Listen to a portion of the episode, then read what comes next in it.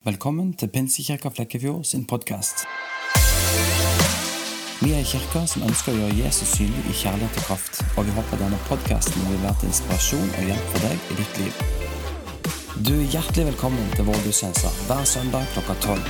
Vi ses. Lundenleiren som, eh, som går av stablene i april. Der er inforull på den, der går ting på Facebook som reklamerer litt for den. og sånt.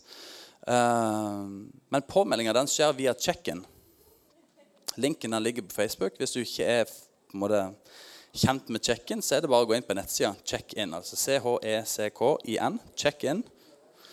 Um, og Så søker du bare PK og mellomrom og weekend hvis du vil, og så kommer arrangementet opp. Så er det bare til å melde seg på. Veldig enkelt. Og hvis du melder på før 1. mars, så får du det ja, 25 billigere enn etter 1. mars. Så det er litt sånn om å gjøre å få fingeren ut. Går det greit med dere? Lydia har det godt. Det var fint. For dere andre så håper jeg at ting blir bedre etterpå. Yes. Så bra. Vi er i Jesus, en ny skapning. Det er ikke fantastisk at vi er nye skapninger. Det er noe nytt som har skjedd inni oss den dagen du sa ja til Jesus. Jesus sier til Nikodemus er det vel at for å komme inn i Guds rike, altså for å bli frelst, så må du bli født på ny. Og Han skjønte jo ikke det og spurte litt sånn, sikkert veldig ærlig, men også litt dumt i våre øyne, som kanskje skjønner greia her. Men ja, skal jeg krype inn i mors liv igjen og komme på nytt igjen? Det er jo logisk med tanke på å bli født på ny. Nei, det skjer noe her inne. For alle mennesker som ikke kjenner Jesus, er i Guds øyne døde. faktisk. Det er ikke liv. Det var det som skjedde etter Adam og Eva opposisjonerte mot Gud og, og tok han frukten og spiste. De var ulydige. Og Gud sa dere er døde. Det er ikke liv. Men han hadde den redningsplanen som er så spennende å lese. Av og til kjedelig, av og til veldig utfordrende. Der Jesus blir sendt for å kalle dere til liv igjen. Det står i Kolosserbrevet at han, at han uh, har tatt dere ut av mørkets uh, forbannelse eller ondskap, ut av mørket, og satt dere inn i sin sønn Jesus sitt rike. Og Vi kan få opp det første verset som òg Anne leser, tror jeg. Og, og, Jeg har lyst til å bare måtte leke litt med det, hvis en kan si det sånn. Um, for Hva betyr det egentlig? Derfor om noen er i Kristus. Hva betyr det? Å være i Kristus? Kan du være utenfor Kristus av og til? Eller er det en Sånn er det bare. Eller vandrer vi litt ut av og til, spesielt hvis vi synder eller gjør noe ondt? Er vi, da, er vi da på vei ut av den igjen? Eller hvordan fungerer det? Derfor om noen er i Kristus. Nei, det er en posisjon, det er en ny identitet. Du er født på ny, det er et nytt liv. Det er ikke du som har gjort det. Kolosserbrevet sier det er Gud som har gjort det.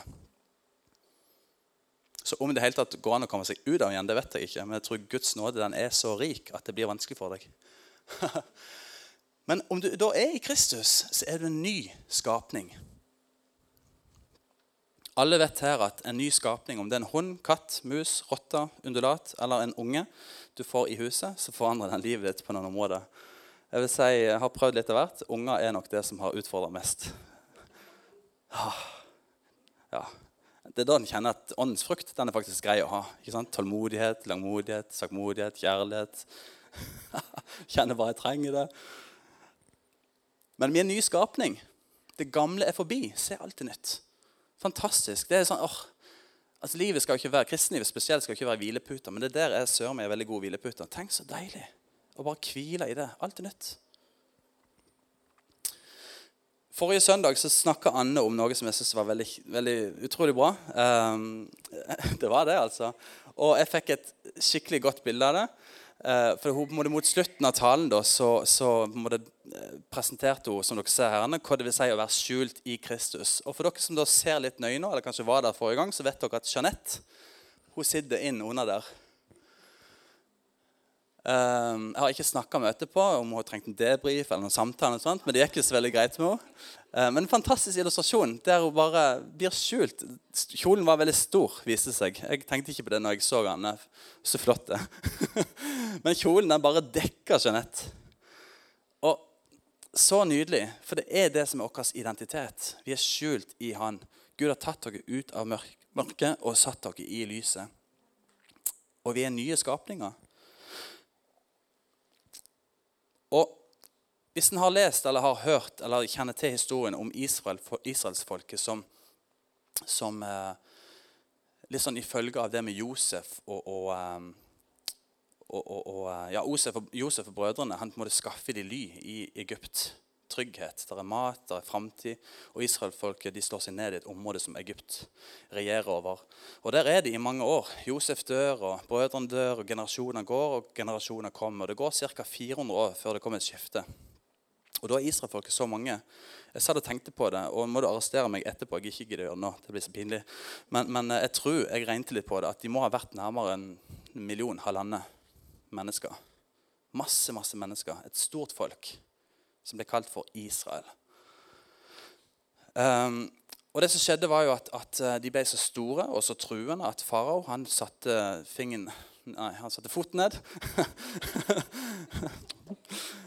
og, og uh, begynte å, å, enslave dem, altså begynte på en måte å, å gjøre dem til slaver. De var jo egentlig borgere. Og, og på en måte, Det hadde de godt og trygt. Men han så dem som en trussel, for de begynte å bli mange. Og han begynte å gjøre dem til slaver. Han satte harde arbeidsoppgaver på dem. Og det var i hvert fall ikke noe håp ut forbi.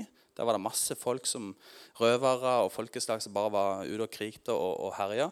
Så Egypt var på en måte tryggheten allikevel. De var jo masse mennesker, men de gjorde ikke opprør. ikke vel? De, de, de var slaver. De var fanger.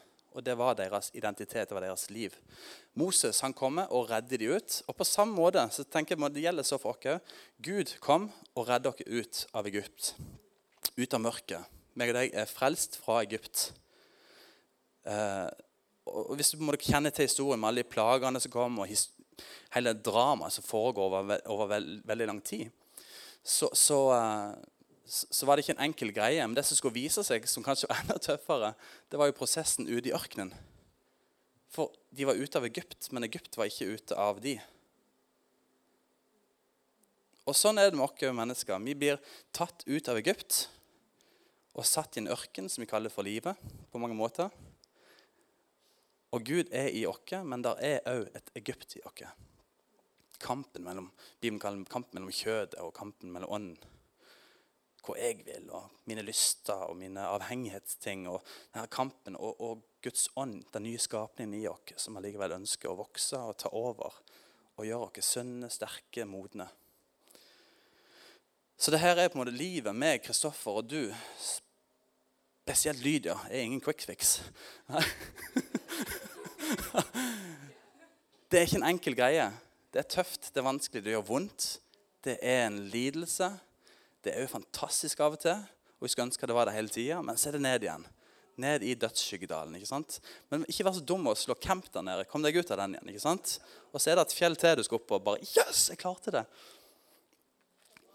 Så Gud han, han, ønsker at vi skal bli satt fri, på samme måte som israelfolket. Han ville sette dem fri fra tankemåter, uh, gjøremåter. Det første de fant på å gjøre når Moses var mer enn altså, en reise fra Egypt til det her lovede landet som de var lov, som alle snakka om. Tenk, ryktene gikk. Vi skal ha et land. Gud har gjort alt det her, og han leder dere ut. Havet skiller seg. De må jo bare gått på en trip. ikke sant? Fantastisk. Og, og det her tar ok, Moses var der tre-fire-fem dager. ikke sant? Skal ikke ta lang tid. det her. Nå, nå går vi all in, liksom. Og så er han søren 40 dager oppe i et fjell og snakker med Gud. Så jeg kan på en måte forstå frustrasjonen og, og ryktene og på en måte Hva skjer? Er han død, liksom? De så jo hvor mektig det her som skjedde. Det var jo på fjellet. Og alle andre som går opp der, fikk beskjed om at dere dør hvis dere går opp her. Hold dere unna. Og så kommer han ned igjen. Der har de søren lagt en gullkalv som de fikk beskjed om at det skal du ikke gjøre. Tankemåtene, handlingsmønster, reaksjonsmønstrene. Det var det samme. Det var det de hadde sett i Egypt. Det var sånn de kanskje til og med dyrka Gud på mange måter. De visste at det var en herre. Det er rykter om at hva Gud hadde gjort tidligere. De hadde lovt Abraham og Isak og Jakob. og Historien ble fortalt. ikke sant? Men så var det likevel en del av en kultur og et tankesett. og Det nærmest var i blodet deres at, at um, det er sånn vi lever. Det er sånn vi funker. Det er sånn jeg tikker. Og tenker Det er sånn Gud òg i oss ønsker bare å forandre våre tanker, fornye tankesettene våre. Ønsker å se dere fri fra ting som vi sliter med. Ønsker å få dere ut i ting som vi lengter etter, som vi kjenner Gud ønsker å dytte dere ut. Jeg ønsker å bli en bedre pappa. Jeg ønsker å bli en, en solid venn. Jeg ønsker å holde opp relasjoner så jeg får alltid miste de og rote de vekk. Jeg ønsker å være en som sjefen min kan stole på. Jeg ønsker å være en mann av mitt ord. Alle de her tingene. Og Det er noe Gud har interesse av å få fram i deg med hjelp av sin ånd. Det her nye livet. Så Gud han inviterer oss med på en reise der han skal gjøre ting i meg, og han skal gjøre ting i deg, og han skal gjøre ting gjennom meg og deg. Det er ikke bare noe jeg skal kose meg med å se hvor flink jeg har blitt. Nei, jeg skal være til velsignelse for andre mennesker. Når jeg, var, når jeg flyttet hjem til Flekkefjord etter å ha vært tre år på Østlandet, så, så, så uh, fikk jeg besøk av en venn som jeg hadde blitt kjent med på bibelskolen. Og jeg passet på Eidan. Han var ikke mer enn sju år ja, Han var ikke gammel, iallfall. Han, var, han var på besøk hos meg sammen med kameraten. og så skulle, greia, Litt av hensikten med besøket hans hos meg det var at, uh, at han skulle være fotograf i et bryllup på Vanse. I Vanse kirke. Er ei som jeg hadde gått i klasse med på bibelskolen i Oslo. Og så, uh, så hadde vi planla dette, og det var, jeg hadde ikke GPS. Jeg hadde ikke en smarttelefon heller. Det var de her litt gamle telefonene. Uh, så vi satt litt sånn Jeg var jo da 18-19-21-22 kanskje. Og hadde bodd tre år på Østlandet. Og før jeg flyttet til Østland, så hadde jeg ikke mye erfaring med å kjøre rundt i distrikter. Sant? Det var Kristiansand, det var Oslo, det var Stavanger, det var Kvinesdal, Lyngdal, Moi. Ikke sant? Hidra hadde jeg faktisk ikke vært på før jeg begynte i ambulansen. Som jeg kan huske i hvert fall. Sorry. Jeg var ikke særlig bereist. det har endra seg litt med tiden, for å si det sånn. Men det bare plan, altså denne turen da, som jeg snart kom fram til, den, den bærer preg av at det ikke var veldig erfaring. da. Så vi planlegger. ok, Hvis Google opp eller kom jorda, om det var sol eller et eller annet sånt vi brukte i den tida. Og så fant vi på en måte ruta. Og jeg tenkte ja, det bruker ca. en time. Og det er ganske greit sånn, eh, ja, planlagt. ja, En time. Han skulle være der litt sånn i god tid òg, så vi starta i, i, god tid før bryllupet skulle starte. Jeg tror det var snakk om et par timer før. Så kjører vi. Og jeg selvfølgelig, altså, jeg er ikke dum heller. Jeg leide etter skilt. Ikke sant? Og jeg ser etter Vennesla. For En eller annen gang i løpet av natta så har jeg bare ikke hva som har skjedd. Det for meg. Han Kameraten min sier ved siden han bryr seg ikke. Og Eidan han sovner baki. Så han er der ikke med på kanalen. Eh, så vi leide etter skiltet til Vennesla. og vi kommer til Kvinesdal og vi kommer til Opphafte og tenker, nærmere oss Lyngdal tenker nå skal vi snart komme det her skiltet. Kjører forbi Lyngdal og eh, kommer til Mandal tenker nå begynner det å bli litt sånn Hallo, skal det ikke snart komme? Og så, eh, når vi nærmer oss Kristiansand, så tenker jeg at jeg får en sånn feeling at et eller annet her som ikke stemmer. Jeg, for det skulle ikke ta mer enn en time. Og så kom jeg inn i Kristiansand, så ser jeg skilt Vennesla. Bare, yes! jeg hadde rett! så vi, vi, tar turen og svinger av og tenker Og, og så øh, og så ser jeg på noen kilometer. Det er sikkert 30 km opp. Det er langt. Lenger enn langt. Iallfall når du skal i bryllup en time før og ta bilder. Um, så vi kjører. Jeg tenker bare, Finland, det her stemmer jo altså, Nå må vi kjøre på litt her. Så jeg gønner på oppover.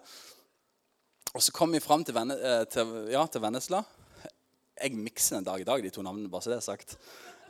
Jeg har fremdeles alltid kjørt rett når vi kjører ambulansen, heldigvis.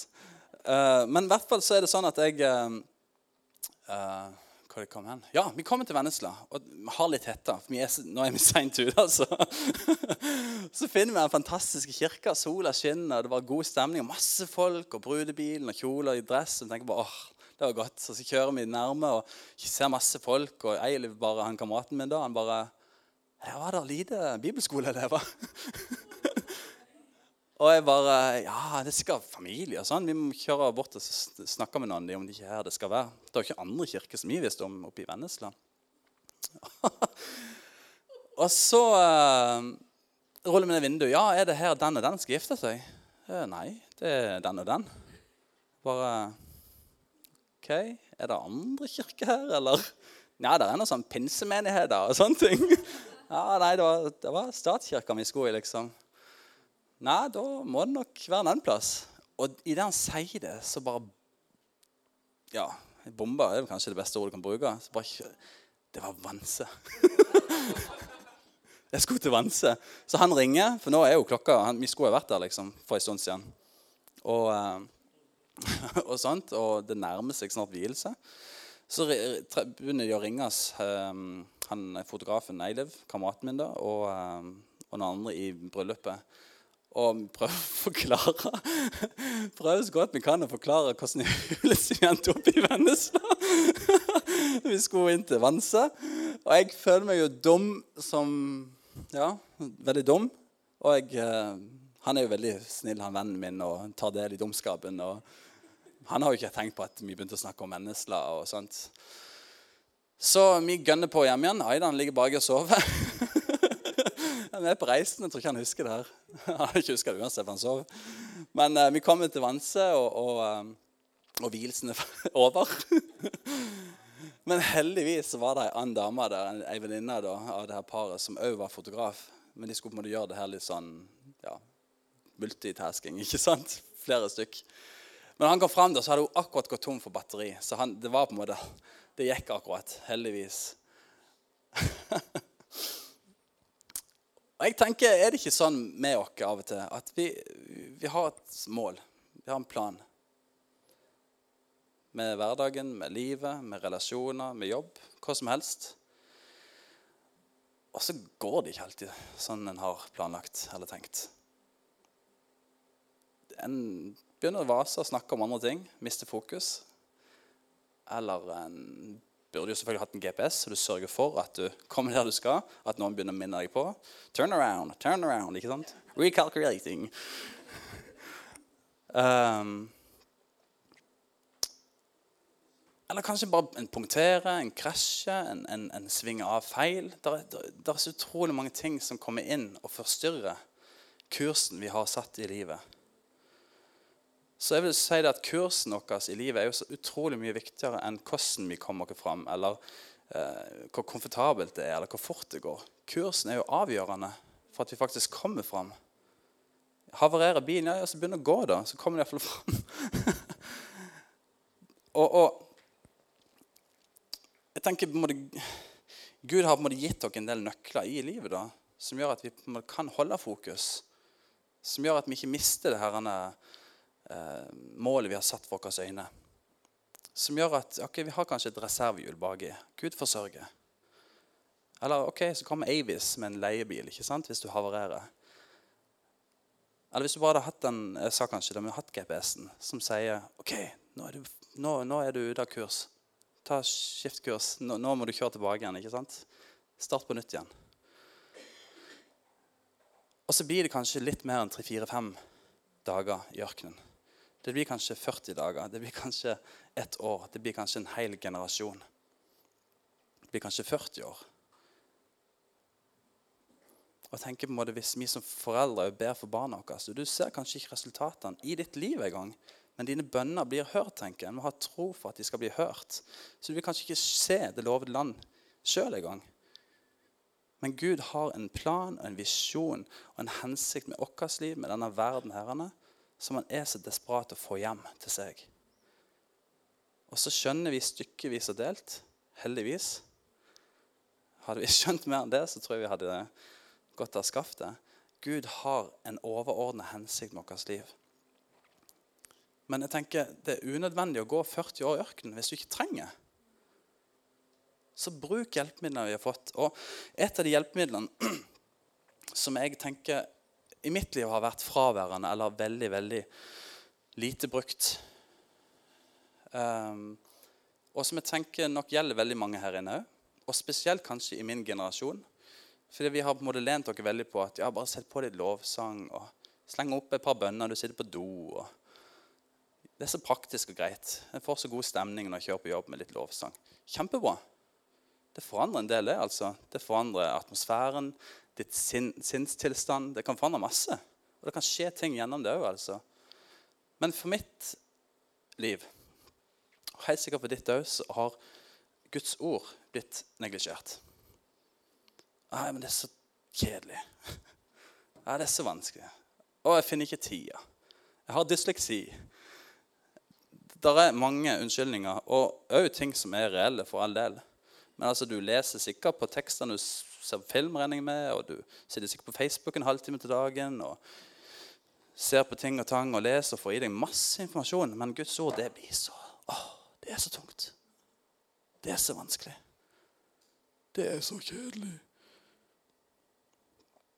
Salme 119, vers 105 står det Ditt ord er en lykt for min fot og et lys for min sti.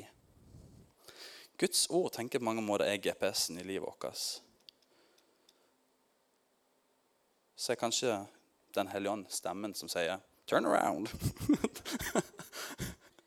Men det er iallfall redskapet som snakker til oss.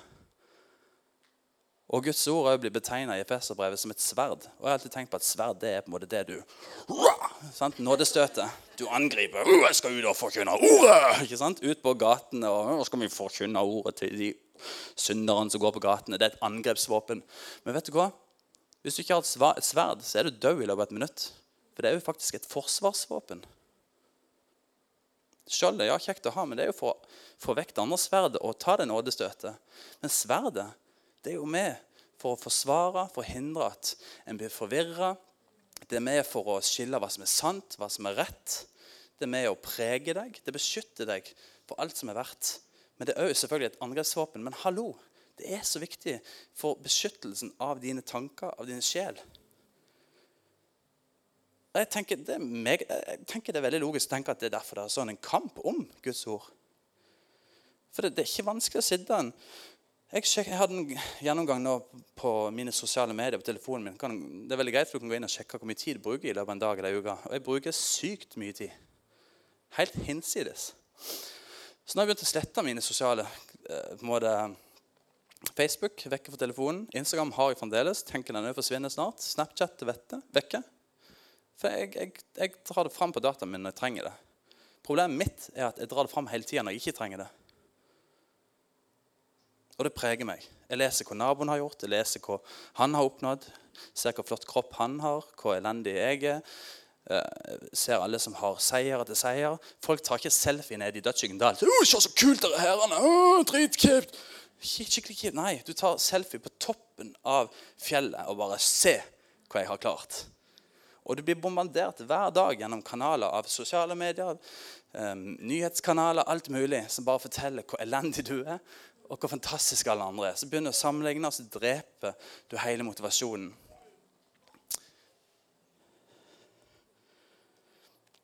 En litt artig eh, greie som jeg har lyst til å bare dele. Det var gjort en undersøkelse av en organisasjon som heter Det er noen som kjenner til dette, for jeg sendte det, jeg syns det er så sykt bra. En organisasjon som heter Center of Bible Engagement. Det er en stiftelse eller organisasjon som driver på å undersøke og, et, og forske i måte, hvordan mennesker bruker Bibelen, og hva den eventuelt gjør med, med, mennesker.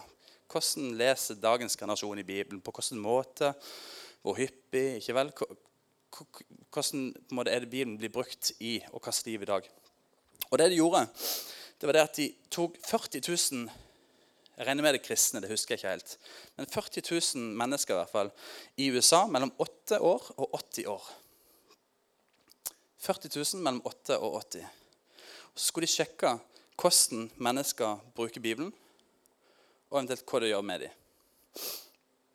Og resultatet ut av denne eh, forskningen eller testen da, eh, ble noe helt annet enn det de egentlig leide etter. Eh, for det de så, var at når en kristen leser Bibelen, Guds ord, en gang i uka Og Det kan være at du kommer her på søndagsmøte og ser Guds ord på veggen. ikke sant? De har fortalt det, drar opp telefonen og leser det. Ja, liker det. Post-it. ikke sant? Jeg har vært på møte. Det er én gang i uka. Det har så å si ingen effekt på ditt liv. Ingenting. Ingen verdens betydning. Så Altså, hallo, Kom på møte en gang i uka. Kjempebra. Er du på møte annenhver uke? Tre, en gang hver tredje uke? Det har ingen betydning på ditt liv. Absolutt ingenting. Det på en måte behager kanskje samvittigheten din litt. Men det har ingen betydning for ditt liv. To ganger i uka ingen betydning. Tre ganger i uka et bitte lite sånn hjerteslag på en sånn graf. Så vidt det. Fjerde gang i uka så opp i taket. Der skjer det noe. Og En skulle jo tro, som de sier på det intervjuet, at du fikk sånn én gang i uka, to ganger i uka, tre ganger i uka, fire ganger i uka, fem Altså at du fikk en gjenvekst. Det stemmer ikke. Det er helt stille.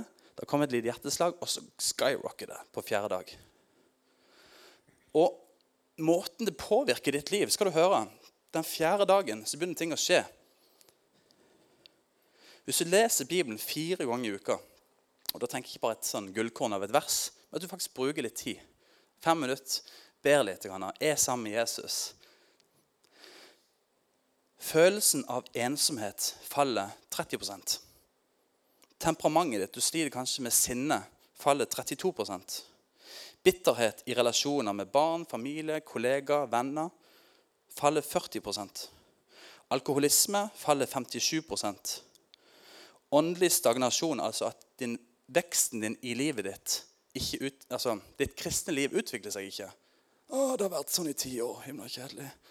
Ja, det er fordi du ikke leser Bibelen din, ifølge den testen.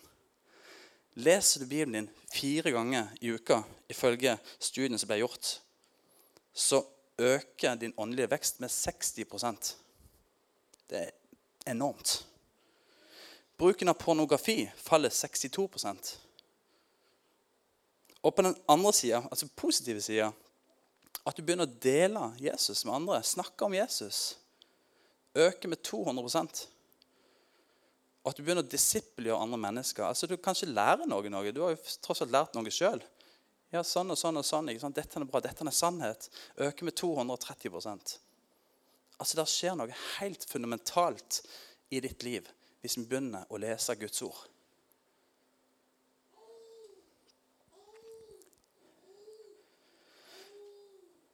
Jeg skal gjøre en liten greie nå for, som en sånn siste akt i min tale. Og Da skal vi sette på en, en video som jeg vil at du skal se på. Og jeg håper Gud vil med sin ånd tale inn i deg. Mens den spiller av, så skal jeg bare bygge opp noe her. Og kanskje jeg kunne fått hjelp av eh, noen. Peter, du kan komme her. Så ser du på videoen, Daniel. Og så, eh, og så skal jeg bare lage noe her.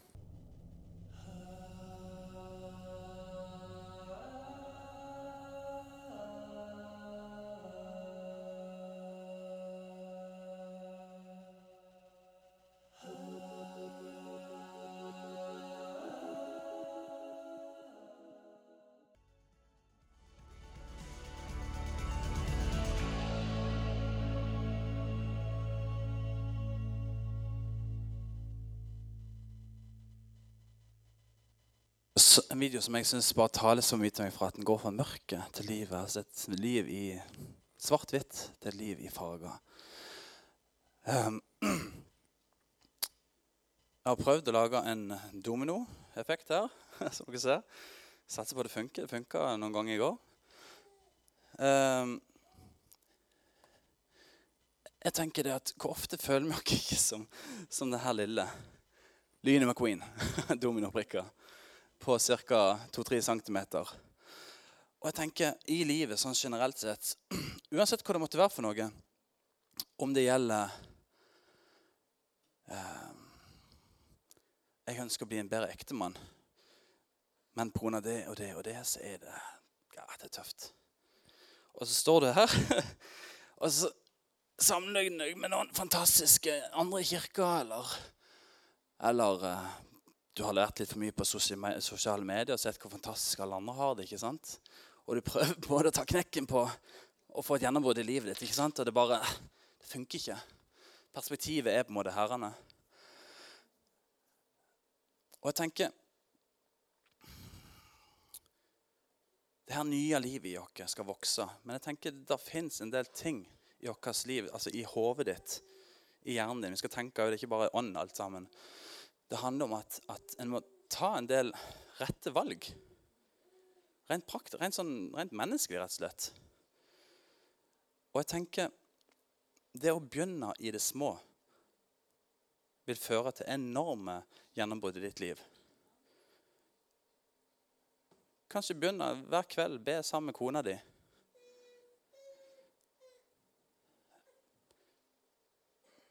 Begynne å lese litt i Bibelen hver dag så jo ut ifra resultatene jeg at det har en betydning for livet ditt. Det er ikke bare svaret. Ikke bare, du, kjenner ganske mange gjennom jobben som leser for mye i Bibelen når det har gått ko-ko. Det handler ikke bare om Guds ord, men det handler også om, ånden i ditt liv, som, som taler til deg gjennom Guds ord. Bibelen er bare en bok. Rett og slett. Det er Guds ord, men Den hellige ånd som gjør det levende. Ok? Det her kan være deg at OK, jeg skal begynne å gå litt mer regelmessig på søndagsmøter. Det her er meg, at jeg ønsker å ønsker å, å ønsker å begynne å lese Guds ord. Jeg ønsker at, jeg, ønsker at livet mitt skal endre seg. Det handler om at ok, Hvis jeg har et mål om at jeg ønsker å bli en bedre kollega Jeg skal begynne å skryte av mine kollegaer hver dag. Ett kompliment hver eneste dag. Det vil forandre de, og det vil forandre deg. Og jeg tenker, Uavhengig hva, hva denne brikka er i ditt liv, så er det så utrolig viktig å ikke begynne med, begynne med målet eller tenke at visjonen den er gjennomførbar i løpet av noen få dager. Men det her kan ta mange, mange, mange år. Det kan òg ta ei uke. Det kan kanskje bare ta noen dager. Kom an på hva det er for noe. På, jeg tenker Det har litt òg med, med, hva du skal lære, hva Gud ønsker at du skal lære. Hva slags Israelsfolket gikk ikke bare rundt i ørkenen fordi de gjorde så mye feil, men de gjorde det fordi at Gud ønsket at de skulle dø ifra Egypt. Så nå håper jeg det her funker. Satser på det. Men jeg tenker, hvis det her er en ting i ditt liv, så begynn med de små tingene, så vil det få en enorm effekt i livet ditt.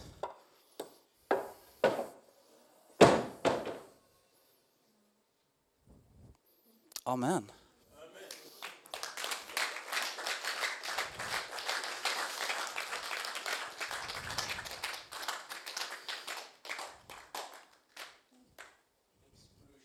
Eksplosjon. Yes. Men det begynner i de små. Det begynner i de små tingene i ditt liv. Det begynner at ok, jeg begynner å lese litt i Bibelen. Jeg begynner å koble meg på andre mennesker som jeg vet har god innflytelse i mitt liv. Jeg begynner å gjøre noe som jeg ellers ikke pleier å gjøre for å utfordre meg sjøl, for jeg ønsker å vokse.